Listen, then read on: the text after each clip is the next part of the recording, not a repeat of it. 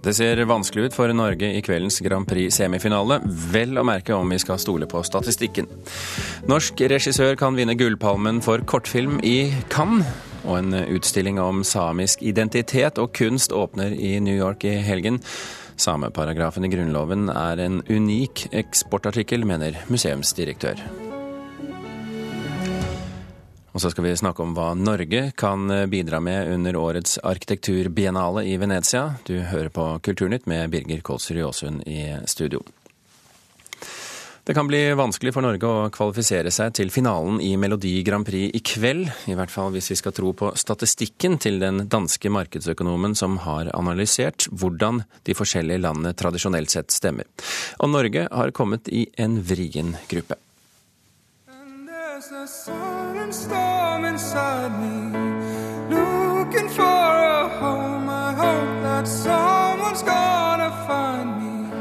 Altså, jeg tar jo ingenting for gitt, så jeg, må, jeg vet jeg må gjøre mitt aller beste. Det sier Karl Espen Torbjørnsen om sine egne muligheter for å ta seg videre til finalen før kveldens semifinale. For det kan bli vanskelig, skal en tru danske Lars Bo. Altså, man kan si, den, den, ser, den ser generelt sett svær ut fordi mange av de landene i pulje med jamen det er ikke noen der typisk gir høye poengtall til, øh, til, Norge. Den danske markedsøkonomen har utarbeidet en undersøking der han har sett på hvordan de ulike landene tradisjonelt stemmer i Eurovision Song Contest. Han ser at det kan bli vanskelig for Norge å ta seg videre, fordi vi har havna i ei gruppe med mange østeuropeiske land, som til dømes Slovenia, Makedonia og Romania. Land som har en tendens til å stemme på hverandre. Hvis Norge skal ha en reell mulighet for å gå videre, så krever det høye poengtall fra, fra først og fremst Finland, øh, fra Irland også fra Israel og MGP-ekspert Inge Solmo synes at det er en spennende undersøking, og han støtter dansken i at det ser ut til å bli vanskelig for Norge i kveld. Men helt håpløst er det ikke. Så jeg tror det kan bli litt lunkent med poeng, men også en del høye score fra bl.a. Finland.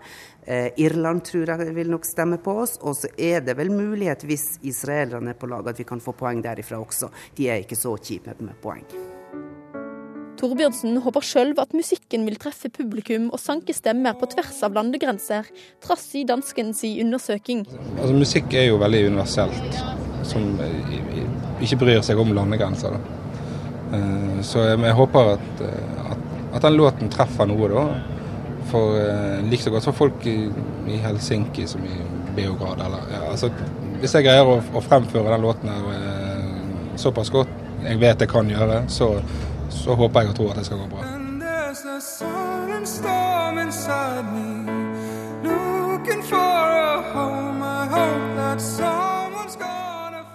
Reporter i denne saken det var Guro Kvalnes og Helga Tunheim. Så skal vi ned til eh, København, der Vivi Stenberg eh, er eh, med oss. MGP-general kjenner vi det altså som. Har vi havnet i den verst tenkelige gruppen i semifinalen, Vivi? Ikke egentlig. Alle, alle, har jo på en måte sagt at dette kanskje er den enkleste semifinalen, fordi at det er, var sterkere låter i semifinale én. I semifinale én var det 16 bidrag som konkurrerte, i kveld er det 15 bidrag som konkurrerer. Det vil si at vi skal bare slå fem land, ikke seks. Men det betyr også at du ser bort fra denne statistikken til, eh, til eh, denne danske markedsøkonomen, da?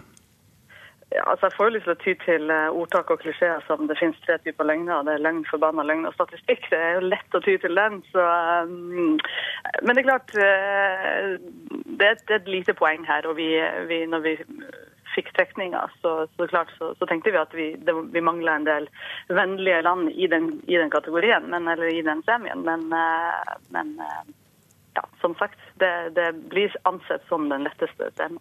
Det er uansett ikke stort vi kan gjøre med hvordan de andre landene stemmer, så la oss gå til generalprøven i går. Hvordan ble Carl Espens melodi tatt imot?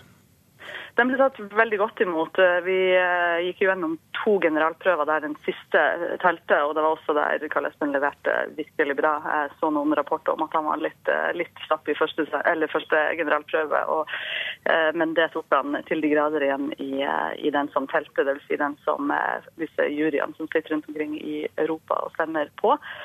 Så det var et veldig stolt team bak han etter at vi var ferdig, og veldig, veldig gøy å se um, at han leverte så bra, både stemmemessig og uh, også dette som har vært litt spenning rundt. Uh, at en såpass uerfaren artist står på en stor scene, men han uh, klarte også å gjøre det veldig bra sånn, i forhold til kamera og alt det som han også må tenke på. Så Hvordan vurderer du nå finaleplasssjansene? Det er altså fem lag vi skal dunke ut? Den, den lett nervøs uh, NGP-musikkansvarlig du snakker med akkurat nå. For det er, det, det er, jo helt umulig å vite hvordan Europa stemmer. Så, uh, men det er en låt som står ut, og den er Gjør han det som han gjorde på, på generalprøven i går, så, så, anser jeg det som at vi går videre. Vivi Stenberg, uansett lykke til så mye. Takk for at du var med i Kulturnytt.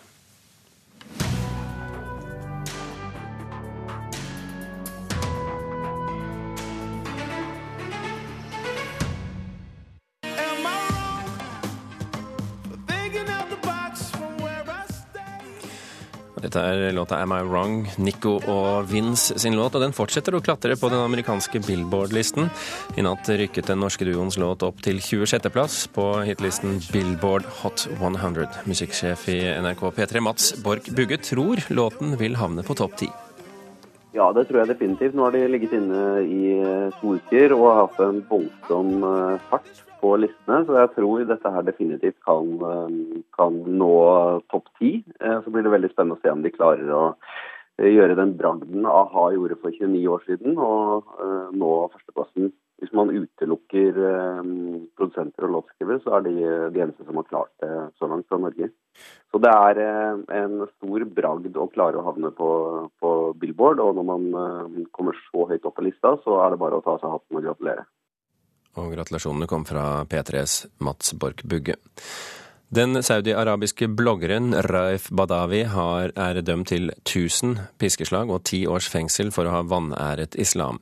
Badawi er grunnleggeren av nettdebattforumet Free Saudi Liberals og ble i 2012 arrestert og tiltalt for bl.a. å ha fornærmet det religiøse politiet. Amnesty i Norge reagerer kraftig på dommen og vil be norske myndigheter om å ta saken opp med Saudi-Arabia. Det sier seniorrådgiver Ina Tind. Vi krever at dommen blir eh, satt til side, eh, og at han blir løslatt umiddelbart og betingelsesløst. Men vi kommer også til å gjenta overfor norske myndigheter at nå er det på tide at eh, UD sier veldig klart fra til sine kolleger i Saudi-Arabia at dette aksepterer vi ikke i Norge. Det er én sak av veldig, veldig mange dommer i Saudi-Arabia nå mot folk som enten bruker sin ytringsfrihet til å jobbe for menneskerettighetene, eller som bruker sin ytringsfrihet for å invitere til en debatt om moralske spørsmål, om politiske spørsmål, om spørsmål om kvinners situasjon osv. i Saudi-Arabia. Sa Ina Tind i Amnesty. Utrykningspolitiet er bekymret for det som ser ut til å bli en ny selfie-trend. Trenden med å ta et portrettbilde av seg selv bak rattet med mobiltelefonen kan være en fare for veisikkerheten. Det skriver VG i dag. I fjor ble det eksplisitt forbud eh, mot å taste og surfe på mobilen mens man kjører, men det er eh, det mange som ikke respekterer. Ulovlig mobilbruk i Norge kan straffes med en bot på 1300 kroner, men straffen blir hardere hvis det fører til en ulykke eller det er eh, fare for det.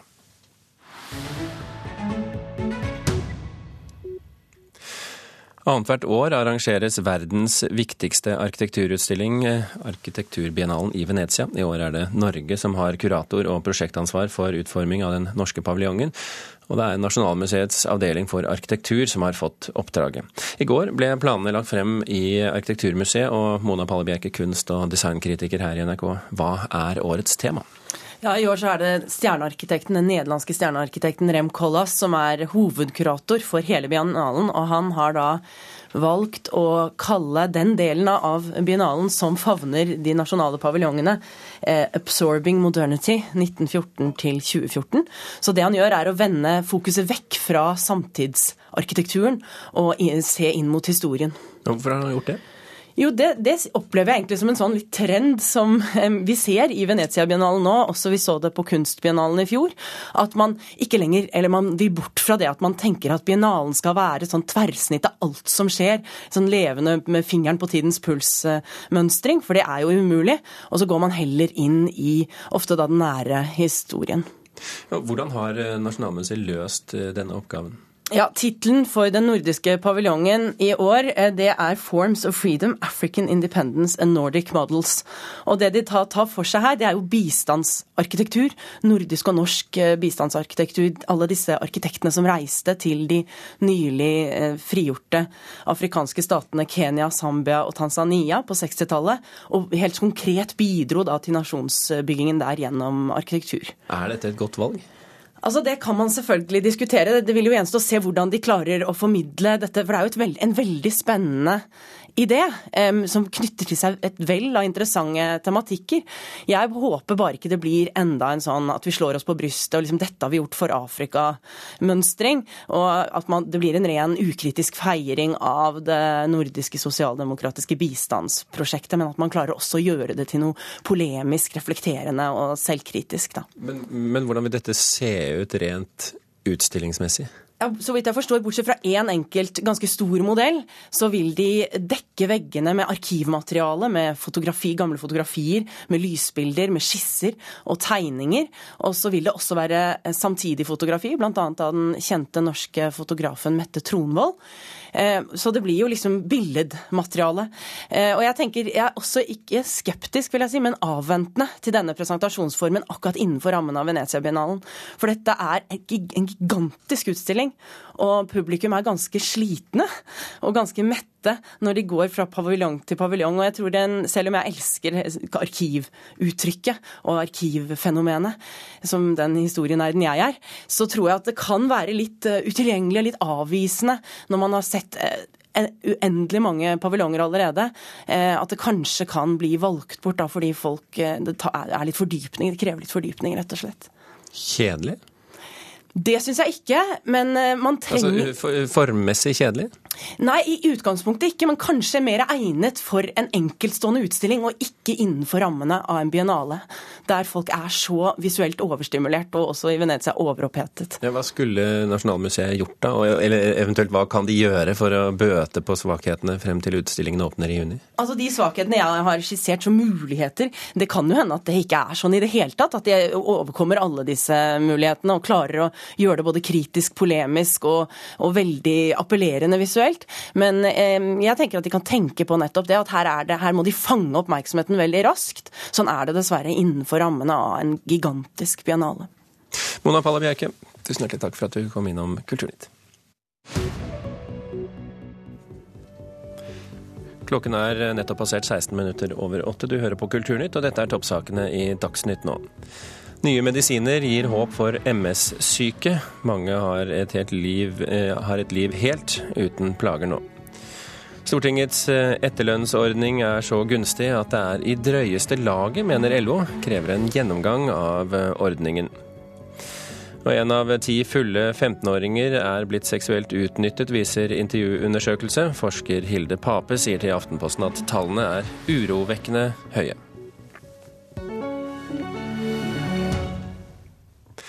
Filmfestivalen i Cannes åpner om en uke, og i år er eneste norske bidrag kortfilmen Ja, vi elsker.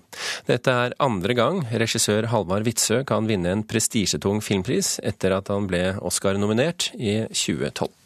Jeg tror drømmen min er å fortsette å lage film til, til jeg blir mistet munn og tale og fotløshet og ligger i grava. Sier den 30 år gamle filmregissøren Halvard Witzøe.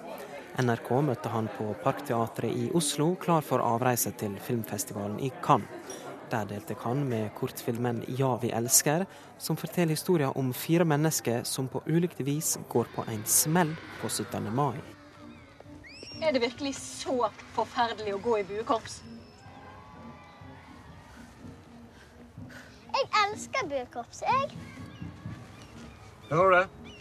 Du ødelegger 17. mai for søsteren din. Det er en eh, film om fire karakterer i, eh, spredt over hele landet som opplever en slags eksistensiell krise. En eh, krise som ingen andre ser, og som de på en måte må takle på egen hånd. og Det er en, absurd og morsom situasjon. som, som handler mer om de personene enn 17. mai og Norge som sådan. Ja, hvorfor foregår det egentlig på 17. mai? Det er egentlig fordi eh, bakteppet til, til historien er at eh, eh, mens alle andre feirer, så er det alltid noen som ikke er med på festen. Eh, det er sikkert flere enn meg som kjenner seg igjen i å være på en fest, og så, og så kjeder du deg litt, og så kanskje går du på kjøkkenet der det ikke er noen, eller så går du en runde og setter deg på do og låser deg inn der, selv om du egentlig ikke må på do. Eh, Du kikker kanskje ekstremt mye på telefonen din. Akkurat det der med å være i sin egen boble mens hele verden feirer rundt deg, eh, det var det som var på en måte eh, Hva skal vi si historien i det. da. Den filmen er jo nå nominert til eh, Cannes og skal være med der. Når fikk du beskjeden om at du var eh, tatt ut dit? Jeg fikk beskjeden midt i påskeferien, og da hadde jeg besøkt eh, mor og far. Og hadde eh, ingen ansvar for verken frokost eller lufting av hund eller noe som helst, så jeg lå langt utpå. eh, Og våkna av et sånn pluss 33-nummer. Jeg nesten nekta å tro det før jeg hadde blitt ferdig med samtalen og blitt gratulert av en eh, veldig så jovial franskmann som het Bruno. Og sa du, du er nominert til Cannes, og, og, og liksom måtte få lagt på røret og satt meg litt ned. Og liksom synkte over, for det her er det største som noen gang har skjedd meg. Det, det kan ikke sammenlignes med Oscar, men det her er en så viktig festival. Det er en så viktig eh, begivenhet eh, for alle vi som har lagd filmen, og ikke bare meg. Blir liksom, da blir liksom det med å vinne den liksom siste gullpalmen eh, det blir liksom ikke så viktig, fordi det eventyret, det, det, det skal vi oppleve uansett. Ja, Det er altså regissør eh, Halvard Witzøe som sa dette her, til reporter Lars eh, Ivar Nordahl. Vi skal holde oss eh, litt i filmens verden, fordi den svenske filmen 'Gjenforeningen' av kunstneren Anna Odell har premiere i morgen. Vår anmelder Einar Gullvåg Staalesen syns filmen er god, men ikke hele tiden. Han ser en selvopptatt filmregissør, men syns det gir mening. Gjenforeningen er svenske Anna Rodells film om seg selv som mobbeoffer. Den handler ikke om gjenforening, men om en konfrontasjon av en klassefest 20 år etter niende. Mobbeofferet tar styringen. Hun holder de fleste talene. For meg var det en stendig kamp. Det handler ikke om å skuldbelegge, utan om at utan om mitt behov av å si det jeg ikke kunne si da. Det er den tenkte festen. Anna Odell fikk vite at det hadde vært klassefest 20 år etter at de gikk ut av ungdomsskolen, men hun fikk aldri noen invitasjon. Derfor har hun formulert noen tanker om hvordan festen kunne ha vært hvis hun var der, ubedt. Det er de tankene som er blitt spillefilm.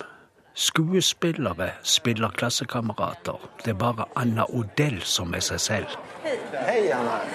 Hei, velkommen. Hei. Velkommen. Robban har just eh, hälsat velkommen. välkomna. Så det... Ja. ja. Hei, hei, hei. Hun kommer litt senere enn de andre. Det er et smart dramaturgisk trekk. Da får vi anledning til å studere hvordan medelevene tar imot eller lar være. De færreste har ventet å se henne. Spillefilmen er interessant, men ikke god. Spillet er svakt i flere sentrale roller. Filmgrepene er ikke smarte hele tiden. Hovedpersonen selv mister styringen. Den mobbede ber om å bli mobbet igjen. Det er uventet og interessant at regissøren Anna Odell vil gjøre mobbeofferet Anna Odell så aggressiv. Hun vi ser i fiksjonsfilmen, mister styringen. Henrik? Ja, hei. Det er Anna Odell. Er det Henrik som gikk i Enskede skole? Ja. Eh, ja, hei. Hei. Det var, det var lenge siden vi Ja, det var det. Tiden går. Ja, det gjør det. Andre del, Analysen, er dokumentarfilm.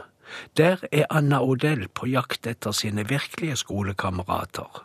Det er en mer fascinerende prosess. Filmen er klokere formulert. Det er flere hoder som tenker ut filmuttrykket. Den er sterkt konfronterende, den andre delen også, men der er konfrontasjonene gjennomtenkte. Det er så her at jeg har gjort en film om en klassåtertreff. Og tenkte høre om, om du skulle kunne tenke deg å, å se filmen tillsammans med Kristoffer, eh, om han også vil.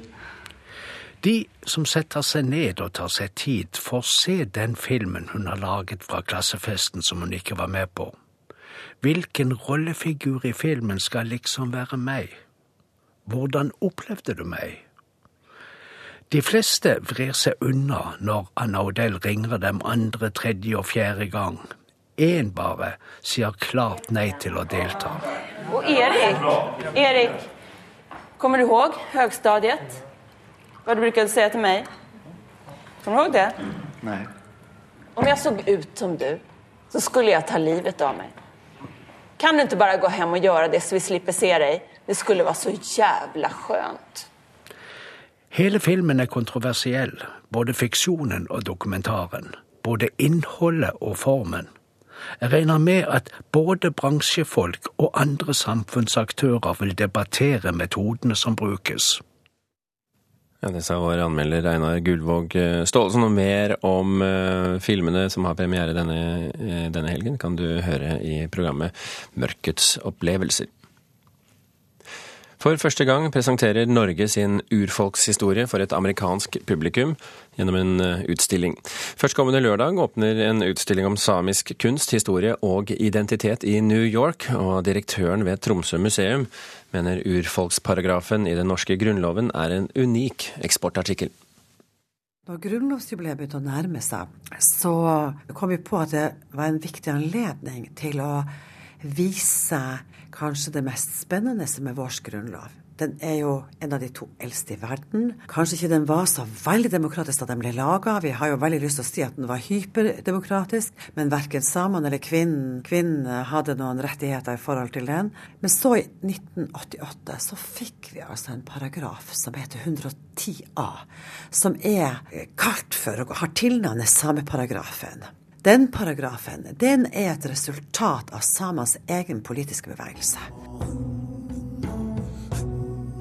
Direktør Marit Hauan ved Tromsø museum snakker ivrig om grunnen til at de sammen med Nordnorsk kunstmuseum åpner utstillinga Sami Stories Art and Identity of an Arctic People i New York. En kulturhistorisk utstillingsdel som viser både samiske bruksgjenstander og samisk politisk bevegelse, skal spille mot ei utstilling av samisk samtidskunst. Det vi ser er jo at de forbinder og knytter sine arbeider til samiske symboler og samisk materiale og samiske praksiser. Sånn at den kulturhistoriske utstillinga snakker med den kunst, kunstneriske utstillinga. Det er ikke minst viktig fordi at vi har sett for en utrolig vesentlig rolle kunsten har spilt i den samiske politiske bevegelsen.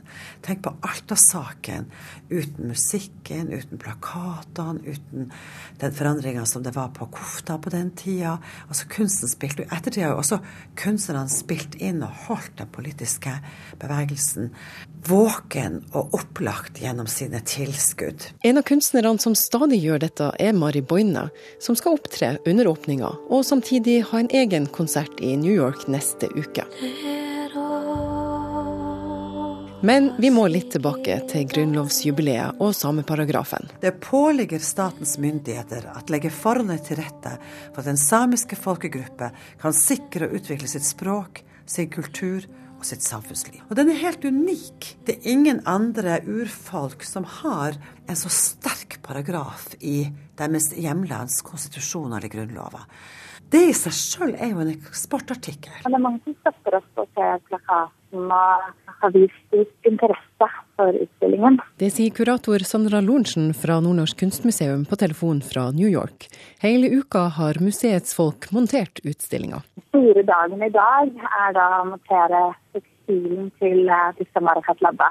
Det må åtte personer til for å få på plass den 24 meter brede tekstilen Historien, Brita Marakat Labba formidler hele den samiske historien i dette monumentale broderiet. Neste år skal utstillinga til Anchorage, og museene vil nå vurdere å eksportere den også andre plasser. Målet er at det skal inspirere andre urfolk. Og mandag åpner Verdens urfolksforum i FN, og Marit Hauan har tro på at det kan gi publikum til utstillinga i Scandinavian House. Her er det jo en mulighet for et besøk i en annen logikk for andre urfolk. Er dette en vei å gå? Kan vi på denne måten skaffe oss større rettigheter i vårt hjemland? Ja, vi får høre hvordan det vikler seg ut etter hvert. Du hørte til slutt her Marit Hauan, direktør ved Tromsø museum, og reporter det var Hege Irén Hansen. På tampen av sendingen så tar vi med at en av Norges første barnestjerner, Stumpa-skuespiller Ole Enger, er død, 65 år gammel. Fra 1963 til 1967 spilte han i tre Stumpa-filmer som hadde stor suksess her i landet. Enger døde i slutten av april etter lengre tids kreftsykdom, ifølge nekrologen hans, som står på trykk i Aftenposten i dag. Kulturnytt eh, er eh, slutt. I dag har vi fortalt at det kan bli vanskelig for Norge å kvalifisere seg til finalen i Melodi Grand Prix i kveld. I hvert fall hvis vi skal tro på statistikken til den danske markedsøkonomen som har analysert hvordan de forskjellige landene tradisjonelt sett stemmer. Og Norge har kommet i en vrien gruppe, men MGP-general Vivi Stenberg sa at hun likevel mener sjansene er ganske gode, særlig etter innsatsen til Karl Espen Torbjørnsen under generalprøvene i går, som var veldig god. Du kunne også høre i dag at den norske regissøren Halvard Witzøe kan vinne Gullpalmen for kortfilmen i eh, Cannes. Med det så gir vi stafettpinnen over til Øystein eh, Heggen. Vi eh, sier takk og farvel. Halvor Haugen, Hans Ole Hummelvold og Birger Kolsrud Jåsund. Hør flere podkaster på nrk.no podkast.